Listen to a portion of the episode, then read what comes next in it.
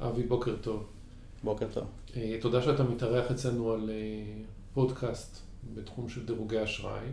אה, אנחנו יודעים שכל תחום של דירוג האשראי הוא תחום מאוד מאוד חשוב למשקיעים, משקיעים פרטיים, אנליסטים, בתי השקעות.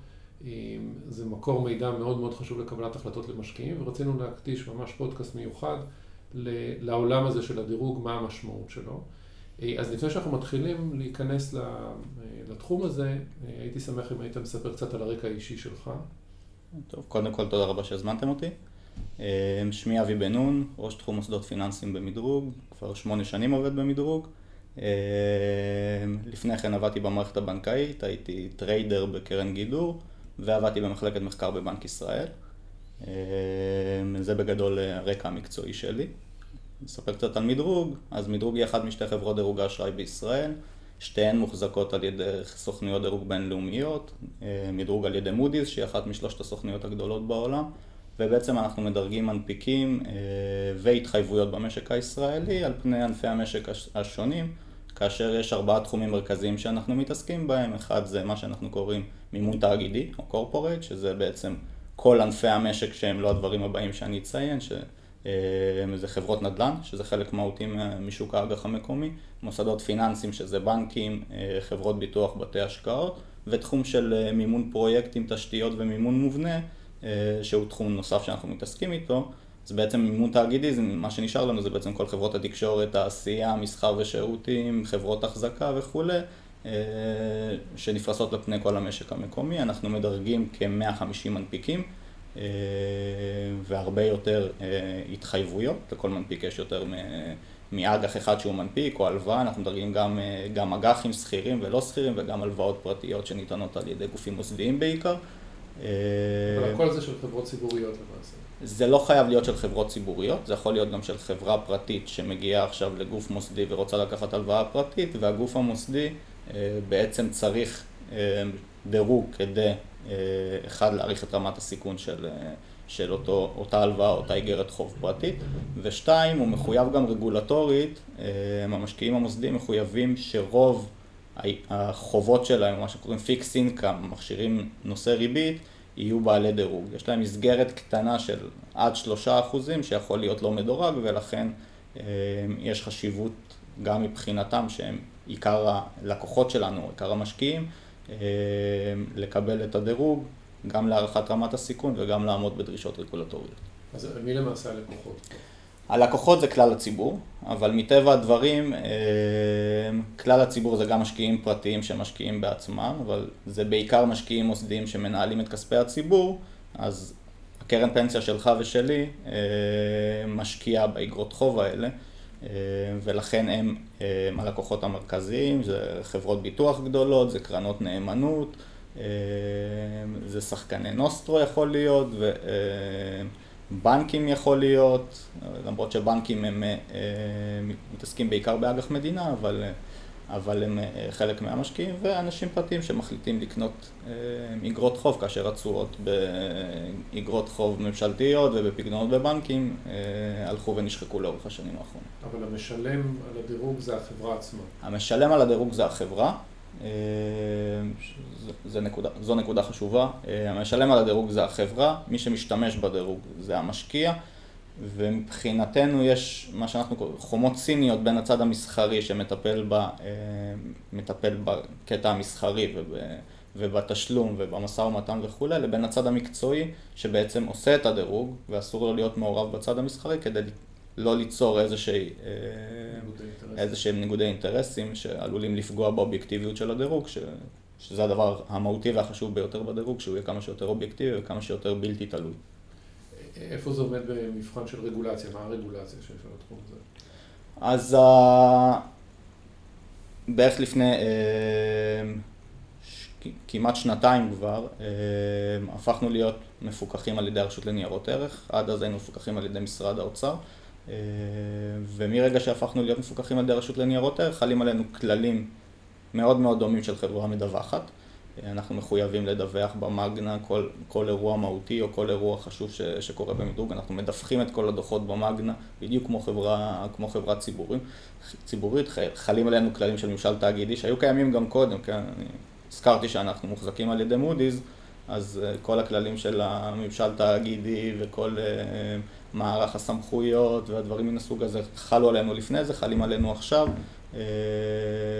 יש עלינו בקרות מאוד מאוד משמעותיות בהיבט של שקיפות, בהיבט של גילוי, בהיבט של אה, ניגודי עניינים.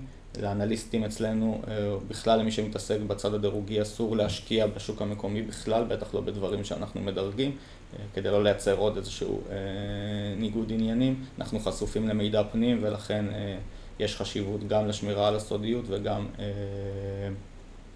וגם בעצם ליכולת שלנו להיות אובייקטיביים ולהיות בלתי תלויים. אה, ולא להיות חשופים לאיזה שהם אינטרסים מכאן ומכאן. אה, כאשר הרשות לניירות ערך מפקחת על כל התהליך, והיום התהליך הוא מאוד מאוד סדור בהיבט של איך מתחילים דירוג, איך, אה, מה יוצא לציבור, מה לא יוצא לציבור, מה מפורסם, מה צריך להיות ברמת הדוח מבחינת שקיפות, מבחינת תרחישים שאנחנו עורכים, איזה מתודולוגיה צריכה להיות בחוץ, מה המאפיינים של המתודולוגיה, ובעצם כל הדברים האלה מאוד גלויים, חשופים גם באתר שלנו וגם בדיווחים שלנו למאגנה, ש... למאגנה ולמאיה, שזה המקור שהציבור בעצם יכול לראות את כל אותם נתונים.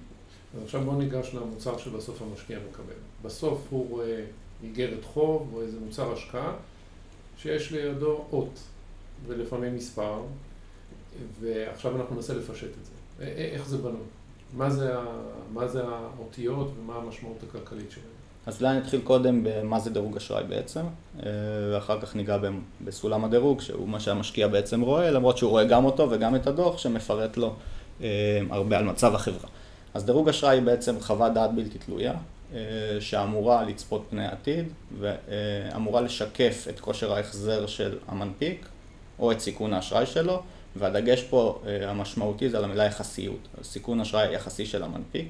לאורך המחזור, זה לא איזושהי נקודת חתך, זאת אומרת, אם היום אני רואה מרווח בשוק שהוא איזשהו דירוג שוק, זה נכון לנקודת חתך מסוימת, זה נכון לאותו רגע נתון, עוד חמש דקות זה יכול להשתנות. הדירוג אשראי אמור להיות לאורך המחזור, הדירוג שאנחנו מדרגים, אה, והוא נוגע למנפיקים שונים ולתעודת התחייבות. מה זה אומר? זה אומר שבעצם אנחנו רוצים למקם על סוג של סולם סדר, או סולם אורדינלי כזה, את כל החובות של כל הענפים השונים, של כל המנפיקים, ובעצם אני יודע להשוות ברמת הסיכון היחסי בין אה, אג"ח של עזריאלי לאג"ח של בזק, לאג"ח של בנק הפועלים, לאג"ח של אה, קבוצת דלק. אה, למרות שהם מענפים שונים, למרות שהמאפיינים שלהם שונים, ואנחנו עושים את זה באמצעות מתודולוגיות שונות, שתכף אני אגע בדברים המהותיים שבהם, אבל זה בעצם אמור לייצר איזשהו סולם סדר שמעריך את הסיכון של משקיע בהשקעה שלו באיגרת חוב מסוימת. עכשיו, זה לא אומר שאנחנו, אה, מרגע שנקבע דירוג, זה אומר משהו על המחיר בשוק של אותה איגרת חוב, או על המרווח, או על התשואה של אותה איגרת חוב לחילופין. זה אומר שבעצם סיכון האשראי, או אותו כושר החזר, הוא מה שאנחנו קוראים לו הפסד צפוי. זה כמה המשקיע יכול להפסיד מזה שהוא אה, בעצם קנה את איגרת החוב הזאת, וזה נוגע לשני מאפיינים אה, של אותה איגרת חוב. אחת זה ההסתברות לכשל פירעון, או מה הסבירות שאותו מנפיק יגיע לכשל פירעון, או לפשיטת רגל, וזה נוגע בעצם למאפיינים הענפיים, שזה דבר שאנחנו מאוד בוחנים במתודולוגיה שלנו, לתנאי המקרו מן הסתם, עד כמה הוא חשוף למחזוריות כלכלית, לא חשוף למחזוריות כלכלית, עד כמה הוא חשוף לרגולציה, אם הרגולציה היא רגולציה יציבותית, אתה יכול לתמוך בו, אם היא מעודדת תחרות, כמו שקרה בשוק התקשורת בשנים קודמות, אז זה יכול מאוד לפגוע בחברות. אה, זה קשור לאיפה הוא ממוקם בשרשרת הערך, לדוגמה קוקה קולה היא ממוקמת מאוד חזק בשרשרת הערך, היא, יש לה את הסוד המסחרי, אה, והמבקבק הוא איפשהו בסוף שרשרת הערך, או אפל היא מאוד אה, ממוצבת חזק בשרשרת הערך, לעומת בעלי רכיבים ש, שהיא קונה מהם את המסכים ואת השבבים השונים שהם פחות פחות משמעותיים, אז יש לזה משמעות. חסמי כניסה יכולים להיות מאוד, מאוד משמעותיים, וכל הדברים האלה משפיעים בעצם על הסיכון שהחברה פועלת בהם. לאחר מכן צריך לבחון את מה שאנחנו קוראים לו פרופיל העסקי של החברה. בעצם איך היא ממוצבת בשוק שבו היא אה, בעצם מתפקדת. אם יש לה נתחי שוק מהותיים, אם יש לה איזשהו אה, יתרונות יחסיים על המתחרים שלה, אם היא, מה בסיס הלקוחות שלה, עד כמה הביקוש למוצר הוא קשיח או לא קשיח. כל הדברים האלה בסוף צריכים להתבטא ברווחיות של, אותה חבר... של אותן חברות, שהיא מאפיין מאוד משמעותי של פרופיל עסקי. וכמובן ביעילות התפעולית, אם היא יודעת לשלוט במבנה ההוצאות, אז היא תתמוך ברווחיות, ואם לא, אז הרווחיות תיפגע. והדברים האלה בסופו של דבר משפיעים על הפרופיל הפיננסי, שהם אותם כריות שאנחנו רוצים לראות כנגד, אה, כנגד הסיכונים אה, שתיארתי קודם, והם בעצם אה, ההון של החברה, כמה הון יש לה, וכמה תזרים היא יודעת לייצר בגדול, ואם יש לה גמישות פיננסית או אין לה גמישות פיננסית. כל הדברים שתיארתי עכשיו משפיעים על הסבירות שהחברה תגיע לכשל או לא תגיע לכשל, וזה נכון לכל ענף או לכל חברה שאנחנו מדרגים. מן הסתם הפרמטרים יהיו שונים כי יש שוני בין הענפים, אבל אה, זה דברים שנבחן בכל, אה, בכל ענף פעילות. ולאחר מכן צריך לדעת מה יקרה עם איגרת חוב כשהיא מגיעה לכשל. זאת אומרת, אה, אם יש לי איגרת חוב שיש לה ביטחונות או אין לה ביטחונות, ההפסד שצפוי בגינה, אם הגעתי כבר לכשל, יכול להיות שונה. אז זה תלוי כבר במאפיינים מבניים של אותה איגרת חוב, שחלק משמעותי מהם זה הבחירות של האיגרת חוב. אם היא בחירה או נחותה ביחס לחובות אחרים. מה שאנחנו קוראים איפה שהיא עומדת במפל התשלומים. מה, שאתה, מה שאני מנסה לפשט את זה, מה שאתה אומר, זה אנחנו בודקים את היכולת שבעל האיגרת חוב יחזיר את האשראי לפי התנאים, mm-hmm. ואם לא, אז מה, מה הבטוחות שיש לי כדי אה, לממש את, ה, את, ה, את האשראי שהוא התחייב, אם יש לי מקורות לזה או לא. אם, אם יש לי מקורות לממש את, ה, את האשראי, וגם אם אין לי מקורות לממש את האשראי במקומות ספציפיים, אם יש לי מספיק נכסים בחברה כדי, אה, כדי להחזיר את החוב אה, חזרה למשקיע. אז זה שתי בחינות מהותיות. כמובן שהבחינה הראשונה עבור רוב המנפיקים, שלא קרובים לנקודת הכשל נקרא לה, אה, היא הרבה יותר מהותית. אותו ניתוח פונדומנטלי, שהוא בעצם מייצג את, מייצג את דירוג האשראי. אז עכשיו בוא נרד ל... לסולם הדירוג, ואז ננסה משם להבין עוד כל מיני דברים. אוקיי, אז סולם הדירוג אה, הוא נע בין triple A, אה, שזה איכות האשראי הכי גבוהה שיש לנו, ויורד לפי, מש... לפי רמות דירוג או נוטשים, כמו שאנחנו קוראים לזה, אה, לרמת קבוצת ה-AA, קבוצת ה-A, קבוצת ה-BAA. ככל שאני יורד בסולם דירוג, איכות האשראי הופכת להיות פחות, אה, פחות בטוחה. זאת אומרת, הסיכון אה, בהחזר החוב עולה. ויש רמות שמתחת ל-BWA, שרמת הסיכון היא כבר מאוד מאוד גבוהה או מתגברת, שאנחנו מתקרבים לנקודת הכשל, בעצם אנחנו חוזים שבמצבים האלה מנפיקים כבר קרובים לכשל פירעון, ושם אנחנו מתחילים הרבה יותר להתייחס למבנה הבטוחות של אותו, של אותו חוב. אז נניח אני משקיע, אז ואני בוחר משהו שהוא triple A לעומת משהו שהוא A אה, או A פלוס או B, אז מה שמעניין אותי בסופו של דבר זה מה ההסתברות שאני אפול. אז איפה זה עומד? זאת אומרת, כשאתה אומר triple A זה אומר לא ראינו מעולם פשיטת רגל בקטגוריה הזאת, לעומת מה, מה קורה בדירוגים השונים. אז זה חשוב. הרמת דירוג היא לא אומרת ב triple A יש לי הסתברות ליפול של חמישה אחוזים, וזה קבוע לאורך המחזור. היא אומרת שב triple A אני תמיד אשאף ואצפה שהוא יגיע לכשל פירעון פחות מ double A אחד. זאת אומרת, זה ישתנה על פני המחזור הכלכלי, זה יכול להיות אפילו סוג של גרף של סינוס, אפשר לראות שזה עלה מאוד בעולם אה, ב-2008 והגענו לשיעורי כשל פירעון מאוד מאוד גבוהים. במשבר הגדול בשנות ה-30 של המאה הקודמת זה היה בשיעורים מאוד גבוהים, בשנות ה... אה, במשבר הנפט זה גם היה, אז זה משתנה לאורך זמן, אבל מה שאני כן ארצה לראות שאני לא, לא אחתוך אף פעם רמת דירוג שמעליי, זאת אומרת ששיעורי הכשל בטריפל איי יהיו תמיד תמיד תמיד יותר נמוכים ובדאבל איי תמיד יהיו יותר נמוכים מב-A, וכן ובדאבל איי גם הכשל האמיתי יהיה כמה שיותר נמוך, או ישאף אפילו לאפס, זה משהו שכן כן ירצה לראות. בפועל בשוק הישראלי אפשר להגיד שאחד אין לנו מספיק תצפיות, אה, מדרוג מ, מרגע אה, התחלת פעילותה ועד היום. אה, צפתה ב-21 אירועי כשל, זה לא מספיק, זה לא מדגם מייצג כדי לבסס איזושהי סטטיסטיקה. כשהיקף החוב שהגיע לכשל היה באזור ה-20 מיליארד שקל, ומחציתו זה שני הסדרים של אפריקה-ישראל. אז אין לנו מספיק תצפיות. בכל השוק הישראלי חזינו במאה וקצת אירועי כשל. בשנים האחרונות, מאז ששוק האג"ח הוא באמת שוק פעיל, וזה בערך מ-2006-2007, ולכן קשה להסתכל על השוק הישראלי. בשוק העולמי אפשר להגיד שבאמת על סמך נתונים היסטוריים של 20-30 שנה אחורה ואפילו של 100 שנה אחורה, triple A ההסתברות לכשל היא זניחה לחלוטין, היא עומדת על 0.07% בדירוגים של מודי'ס, גם בקבוצת ה double A היא מאוד מאוד נמוכה, אז כן צריך לצפות ואנחנו שואפים שב triple A אירוע כשל יהיה זניח לחלוטין. לגבי השאלה כמשקיע זה נורא תלוי בתיאבון לסיכון שלך, ובסוף אם אתה מוכן להשקיע באיגרת חוב בדרגת ה-BAA, שזו דרגה יותר מסוכנת, ואתה חושב שאתה מפוצה על ידי זה, על ידי מרווח מספיק גבוה, על ידי תשואה מספיק גבוהה, אז בסדר. אם זה מפצה על הסיכון והתיאבון הסיכון שלך נמצא שם, זה בסדר, וזה גם מה שקרה בשווקים בשנים האחרונות, ראינו איך גופים מוסדיים ומשקיעים פרטיים הלכו ועברו מנכסים פחות מסוכנים לנכסים יותר מסוכנים כדי לייצר תשואה. בטח כשהריבית הבסיס הלכה וירדה והגיעה לריביות אולטרה נמוכות של באזור, באזור אפס, וזה בעצם מה שתדלק את כל, ה... או עזר לתדלק את כל, ה... את כל השווקים ואת כל האסט קלאסס השונים ש... שמשקיעים מתעסקים בהם. יש, ככל שעולם תעודות הסל הולך וגדל, אז יותר ויותר ההשקעות האלה נהיות פסיביות, שפשוט אנשים קונים תעודות סל שמודבקות ל-A, ל-A פלוס, ל...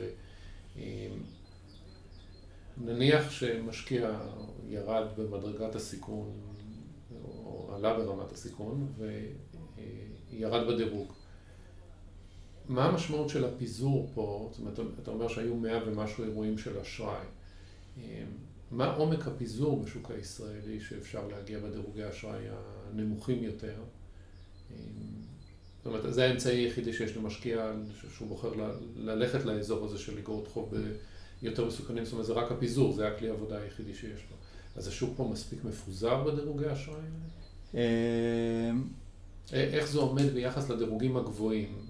אז בוא נגיד שעיקר השוק מתרכז, או עיקר, לפחות אצלנו, ואני מניח שגם במעלות, עיקר התפלגות הדירוגים היא באזור ה-A, שזה לא, לא דירוגים מאוד נמוכים, A1 שזה דירוג יחסית, יחסית גבוה, הדירוג החציוני אצלנו הוא A2, שזה דירוג עוד שהוא יחסית דירוג... מה ההבדל במלל פחות או יותר נניח בין A1 ל-A2? זה נורא תלוי ביכולת של, של אותו מנפיק לייצר תזרים, או מה כרית ההון שלו, מה שאנחנו קוראים לו יחסי הכיסוי, עד כמה הוא יודע להחזיר מהר את החוב מהתזרים שהוא יודע לייצר. זה יכול להיות תלוי במעמד העסקי שלו, יכול להיות מנפיק עם יחסי כיסוי קצת יותר איטיים, אבל הוא מונופול בשוק ואין חשש ליציבות שלו בחמש שנים הקרובות, ולכן זה יכול להיות פער בין ה-A1 ל-A2, אבל בדירוגים היותר נמוכים, זה בעיה של השוק המקומי, אין מספיק, אחד אין מספיק פיזור, ושתיים אין מספיק מקורות מימון. זאת אומרת, ב, כשאנחנו מגיעים לדירוגים נמוכים, בטח מתחת לדרגת ה-BAA, דרגה שמתחת לזה שבעולם קוראים לזה דירוג ספקולטיבי,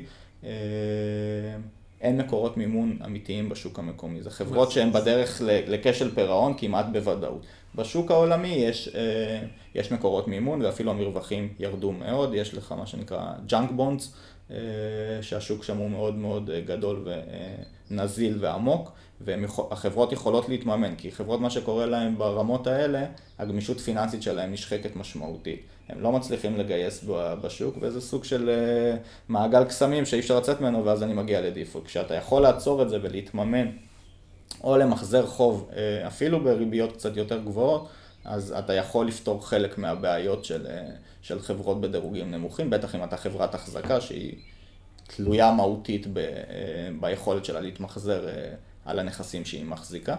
וזה לא קיים פה, ולכן כשאנחנו נראה חברות שם, הן בדרך כלל במסלול של ללכת, ללכת לכשל פירעון. בעולם גם קיים, קיימות קרנות גידור שמתמחות בחובות מן, ה, מן הסוג הזה, יש מדדים על חובות מן הסוג הזה, ולכן גם משקיעים מוסדיים וגם קרנות למיניהן יכולות להשקיע במקומות האלה, מה שבשוק הישראלי גם אין הרבה חברות שנמצאות שם, יש חברות לא מדורגות שבוחרות לא לצאת עם דירוג. אבל בטח יש חברות שמתחילות ב-A ומידרדרות. אבל, אבל גם יש חברות שמתחילות ב-A ומידרדרות לשם. אה, יש כמה דוגמאות מה, מהשנים האחרונות, וזה חברות שבעצם חוו איזושהי שחיקה עסקית משמעותית, או שחיקה פיננסית, בעיקר שחיקה בגמישות הפיננסית או בתזרים שהן יודעות לייצר, כשיש שני ענפים ספציפיים אה, שאנחנו הבחנו, שאנחנו רואים דיפולטים משמעותיים שם ביחס לשאר הענפים, שזה חברות נדל"ן אה, וחברות החזקה. שזה שתי חברות שיש להן מוקדי סיכון קצת יותר מהותיים מחברות אחרות, ותלויות בדברים שהם אקסוגנים או לאו דווקא בשליטתן, ולכן לפעמים קשה להן לפצות על, ה... לפצות על הדברים האלה, והן מגיעות אה, יותר לכשל מחברות אחרות. עכשיו, שאתם בודקים, בודקים, קודם כל אני מבין שאתה מדבר על האזור של triple B או double B, אז זה מקומות שכבר לא בטוחים שהחברה יש לה מספיק מקורות לעמוד בהתחייבויות שלה. זה פחות או יותר האזור שמתחיל בו הסיכון, מבחינת משקיע שהוא יחסית סולידי. אמ, זה מה שאמור לשקף סולם הדירוג, כן, ששם אמ, שם כבר צריך אה, יותר לדקדק ויותר אה, לבחון לעומק. ככלל, ככל שהרמת דירוג יותר נמוכה, אנחנו שמים יותר דגש על הנושא של הפרופיל הנזילות של החברה. כי במקומות כאלה אנחנו מעריכים שהיכולת של חברות להתמחזר הולכת ויורדת, הגמישות פיננסית הולכת ונשחקת, ולכן גם אם זה איזשהו אירוע נקודתי, או גם אם השווקים סגורים לרבעון או שניים, כמו שקרה בישראל ב-2009, שיהיה לה מקורות עצמיים שהיא תדע, אה, או כריות שהיא תדע להחזיק, כדי, אה, כדי לבודד את עצמה מאותם אירועים, ובעתיד, כשהמצב ישתפר, היא תוכל בעצם אה, לחזור ו... ולהציג את אותם ביצועים שהיא הציגה בעבר. זה קרה לכמה חברות ויש חברות שלא היה להן את המקורות האלה ובאמת אלה החברות שבסוף הגיעו לכשל פירעון. אז מה הסטטיסטיקה שלכם בתור חברה, אמרת שאתם מנסים לצפות פני עתיד לגבי היכולת של חברה. אחת הביקורות זה שתמיד השוק מפתיע את חברות הדירוג אה, אה, גם בארץ וגם בעולם, שהדברים האלה תמיד מגיעים באיחור בדיליי. אז מה הסטטיסטיקה שלכם אה, לגבי היכולת חיזוי? אז אמרתי, אחד אין מספיק כשלים, לשמחתנו, אה, בשוק, בש, בשוק המדורג המקומי, ולכן קשה להגיד מה הסטטיסטיקה אומרת, אבל יש כמה דברים שאפשר להגיד בהקשר הזה. אחד, בעולם כשיש סטטיסטיקה, אה, יש מדדים שבוחנים את איכות הדיוק של, של חברות הדירוג, מדדים שמודי'ס מדווחת. אפשר לראות שגם במשבר הפיננסי וגם לאורך אה, עשרות שנים, אה, אם היית נמנע מחמישה אחוזים או מהעשירון התחתון של החברות המדורגות במודי'ס, היית נמנע לחלוטין מדיפולטים, אוקיי? מדדים ש- שאומרים את זה. גם אצלנו במדרוג, במדד שאנחנו מפרסמים שאומר איפה ישבו הכשלים בסולם הדירוג. זאת אומרת, אם הם ישבו לי איי זה מאוד לא טוב. המערכת דירוג שלי היא לא, היא לא נותנת לי שום כושר הבחנה, היא אפילו הפוכה ממה שהיא אמורה להיות. אבל אנחנו רואים אצלנו לאורך שנים, גם בשנים הקשות, שהחובות שהגיעו לדיפולט ישבו יחסית בדירוגים נמוכים, שזה מה שאנחנו רוצים, אה, רוצים לראות. עכשיו, נכון שהשוק אה, יהיה יותר מדויק, אבל הוא יהיה גם הרבה יותר תנודתי. זאת אומרת, לנו יש שני יעדים כ, אה, כדירוג. אמרתי, הדירוג צריך ללכת לאורך המחזור, והוא צריך לדעת לספוג גם אירועים אה, לא תרחישי קיצון חמורים, אבל איזה שהם תרחישי לחץ שאנחנו צופים, אה, או רגישות שיכולים לקרות לאורך המחזור, והדירוג לא אמור להיות מושפע מכך מהותית. כשאירוע כזה קורה, אז השוק יכול אה, לשנות מהותית את התשואות לפדיון או את המרווחים, וזה יכול יומיים אחרי זה גם לחזור חזרה לאותה, לאותה נקודה, ויש לא מעט דוגמאות שזה הגיע לשם. אז מעבר לדיוק, יש לנו מדד נוסף שהוא חשוב לנו, שזה היציבות. Okay, משקיע, משקיע מוסדי או אה, גוף אחר שצריך עכשיו לקנות ולמכור אה, בגלל שהדירוג כל הזמן יזוז כדי שהוא יהיה מדויק 100%, אה, זה עלויות מאוד מאוד כבדות. ובסוף זה לא משקף את הסיכון אשראי לאורך המחזור. אנחנו רוצים לשקף את אותו סיכון אשראי לאורך המחזור, ובשביל אותן נקודות של אירועים זמניים, יש לנו כלים נוספים שאנחנו משתמשים בהם, שאחד מהם זה אופק הדירוג. אז מעבר לדירוג אנחנו מפרסמים גם אופק, מה אנחנו צופים שהדירוג ילך בטווח של ה-18-24 חודש הקרובים. אם האופק הוא שלילי, אז יש הסתברות גבוהה יותר שהדירוג ירד. אם האופק חיובי, יש הסתברות שהוא יעלה, ואם הוא יציב, אה, יש הסתברות שהוא יישאר כמו שהוא. ודבר שני שאנחנו מפרסמים, מה שאנחנו קוראים לו בחינת דירוג. אם יש איזשהו אירוע מיידי שאנחנו צופים שבטווח זמן של השלושה חודשים הקרובים יקרה וישפיע על החוב, לדוגמה מיזוגים ורכישות, איזושהי הצעת הסדר, אירוע רגולטורי כזה או אחר, אנחנו מכניסים את החובות האלה לבחינת דירוג או קרדיט ריוויו וגם לא נותנים אופק, מה ההשלכות שאנחנו צופים שיקרו בעקבות אותו אירוע, כשאחד מהאופקים יכול להיות uncertain, זאת אומרת שיש אי ודאות שלא לא ידוע אם העסקה תתבצע או לא תתבצע ולכן גם זאת אפשרות, אבל זה כלים לטווח זמן יותר קצר שאנחנו משתמשים בהם, ואם בוחנים לאורך זמן אז אפשר לראות שלפחות בחציונים של המרווחים, של התשואות בשוק, הם מסתדרים מאוד מאוד יפה לפי הדירוגים. זאת אומרת, הרמת דירוג והרמת מרווח הם די זהים אחד לשני לאורך שנים. ועל סמך הסטטיסטיקה ש... שידועה לך, מה היה השינויים של הדירוגים? זאת אומרת, כמה חברות שהיו נניח מדורגות גבוה ירדו, וכאלה שירדו, זאת אומרת... דירוג, התחילו כדירוג בינוני, טיפסו למעלה, יש שינויים גדולים בשוק הישראלי? אין שינויים דרמטיים, זאת אומרת הדירוג החציוני נע בין A3 ל-A2, הוא לא משתנה הרבה אה, מעבר לזה. אה, בשנים פחות טובות, מן הסתם היה יותר ירידות דירוג, ועוד פעם, יש מקומות, אה, דוגמה בחברות החזקה, שחלק גדול מה... מהאיתנות הפיננסית שלהם נסמכת על נכסי הבסיס שהן מחזיקות, מחזיקות אז אם פתאום יש איזשהו אירוע רגולטורי, או אם פתאום אה, יש אה, מחנק אשראי כזה או אחר, המצב שלהם יידרדר משמעותית ביחס לנכסי הבסיס, וחווינו שנים כאלה, אז זה סקטור שיכול לספוג אה, אה, דיפולטים יותר מסקטורים אחרים.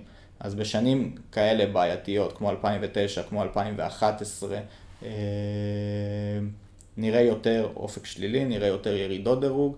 בשנים, אה, ובסך הכל המשק צמח בצורה יפה ושיעורי האבטלה פה מאוד מאוד נמוכים והביצועים המשקיים מאוד טובים וזה תומך בסוף בסביבה העסקית שהעסקים פועלים בהם. אז לכן בשנים יותר טובות אנחנו נראה גם אופק חיובי וגם העלאות דירוג איפה שאנחנו חושבים אה, שמגיע לחברות האלה, אז אנחנו מנסים לא לקפוא על השמרים והכי קל בסוף לקחת חוב ולדרג אותו הכי נמוך שאפשר, אז להגיד אוקיי זה תופס את כל התרחישים. אנחנו כן רוצים להיות אה, מדויקים ולשקף את הסיכון האמיתי אה, של כל חוב. ובסופו של דבר אני חושב הסטטיסטיקה הקיימת וגם כשמשווים את זה למרווחים, עוד פעם, יכול להיות מקרים של, אה, של סטייה ויכול להיות גם מקרה שחברת הדירוג טעתה, כן? זה לא, זה לא לא סביר, גם השוק טועה לא מעט פעמים, או לא טועה, הוא משנה כיוונים לא מעט פעמים, ולכן בסך הכל אני חושב ש... הדירוג משקף סיכון אמיתי של, של המשק על פני הענפים השונים. מה שעוד רציתי לשאול, אני לא יודע אם עד כמה אפשר לצמצם את זה, רק בנושא פשיטות הרגל. בחו"ל, עכשיו העבירו בישראל חוק באשראי צרכני שמקל בנושא של פשיטות רגל. האם פשיטת רגל בחו"ל ובישראל היא זהה מבחינת חוקים תאגידיים? זאת אומרת... אה, אז זה נורא תלוי במשטר המשפטי. אה, זה שונה בין מקומות שונים. יש מקומות ש... בוא נגיד בינינו לבין ארה"ב, אם זה... אז, אז יש הרבה שוני, עוד פעם, אני לא, אני לא משפטן, אה, אבל יש שוני בחוקים, חוקי פשיטת הרגל שהיו קיימים פה, חדלות הפירעון, לבין הכלים שקיימים בארצות הברית. זה משפיע מן הסתם על ה... קלות, קלות הכניסה להסדרי חוב או לתהליכי פשיטת רגל. מה שאנחנו ראינו בארצות הברית זה, בשו, זה בסוף שבהסדרים יזומים, כשהחברות הציעו את ההסדר, אז אחד, ה, שאנחנו קוראים לו ה-recovery, או יכולת השיקום, או ההחזר למשקיע, הייתה יותר גבוהה מתהליכים אחרים של פשיטת רגל, או הנזלה של הנכסים, או הסדר בחסות בית משפט. אה, בארץ, עוד פעם, אין מספיק סטטיסטיקה כדי להגיד את זה, אבל מה שכן אפשר להגיד, ש... בסוף הממוצעים מתכנסים. הריקאברי בעולם והריקאברי בישראל, הממוצע והחציוני נושק ל-50% וזה דומה למה, ש, למה שקורה בעולם. לגבי אשראי צרכני, אז זה כבר אה, בעיה משקית. אה, כי אנחנו ראינו לאורך השנים האחרונות, מנוע הצמיחה המרכזי של המשק היה הצריכה הפרטית, שתודלקה על ידי אשראי צרכני. אה, שנתמכה על ידי הבנקים כשהריביות ירדו ואין מרווחים באשראי עסקי והגופים המוסדיים או שוק האג"ח מתמחר את אותם חובות או יש אלטרנטיבה מהצד הזה, אז בנקים עברו או מיקדו פעילות גם באשראי צרכני וגם באשראי לעסקים קטנים ובינוניים ולכן אנחנו רואים עלייה משמעותית בשנים האחרונות של המינוף של משקי הבית, גם של רכישת דירות וגם של אשראי צרכני אחר, והדבר הזה לא מטריד בפני עצמו כי הרמה עדיין סבירה ביחס למדינות ה-OECD, אבל הקצב שזה גדל הוא משמעותי, וכשנכנס חוק חדלות הפירעון החדש, שמקל על התנאים לכניסה לפשיטת רגל וליציאה מפשיטת רגל, אז זה יכול ליצור איזושהי בעייתיות לחברות המימון, לחברות שמממנות את, ה, את משקי הבית, שזה בנקים, זה חברות כרטיסי אשראי, זה חברות מימון חוץ בנקאיות, זה אפילו חברות ליסינג, ובהחלט אנחנו צופים קדימה עלייה בהפרשות שלהם להפסדי אשראי, שכבר אנחנו רואים שהם גדלו קצת בכמה רבעונים האחרונים. אז קודם כל תודה רבה על הזמן שהקדשת. ורק רציתי להוסיף שאני חושב, כל המידע לגבי הדירוגים גם נמצא אצלכם באתר. זאת אומרת, דיברנו על מגנה ודיברנו על מערכות שהציבור הרחב לא מכיר, אבל כל ה... כל דירוג אשראי מופיע אצלכם באתר והוא פתוח. רמת השקיפות שלנו באתר היא מאוד גבוהה, כל דירוג אשראי מופיע באתר, הדוח הוא מפורט ומסביר את כל השיקולים שאנחנו מתייחסים אליהם וגם את הנתונים הפיננסיים, ובנוסף אנחנו מפרסמים מתודולוגיות שמסבירות איך אנחנו מסתכלים או איך אנחנו בוחנים ענפים שונים, וכל מיני מחקרי שוק או מחקרים כלכליים עם אוריינטציה לכיוון שוק החוב ולכיוון שוקי הון בכלל וההשפעה שלהם על דירוגי האשראי. תודה רבה. תודה לך.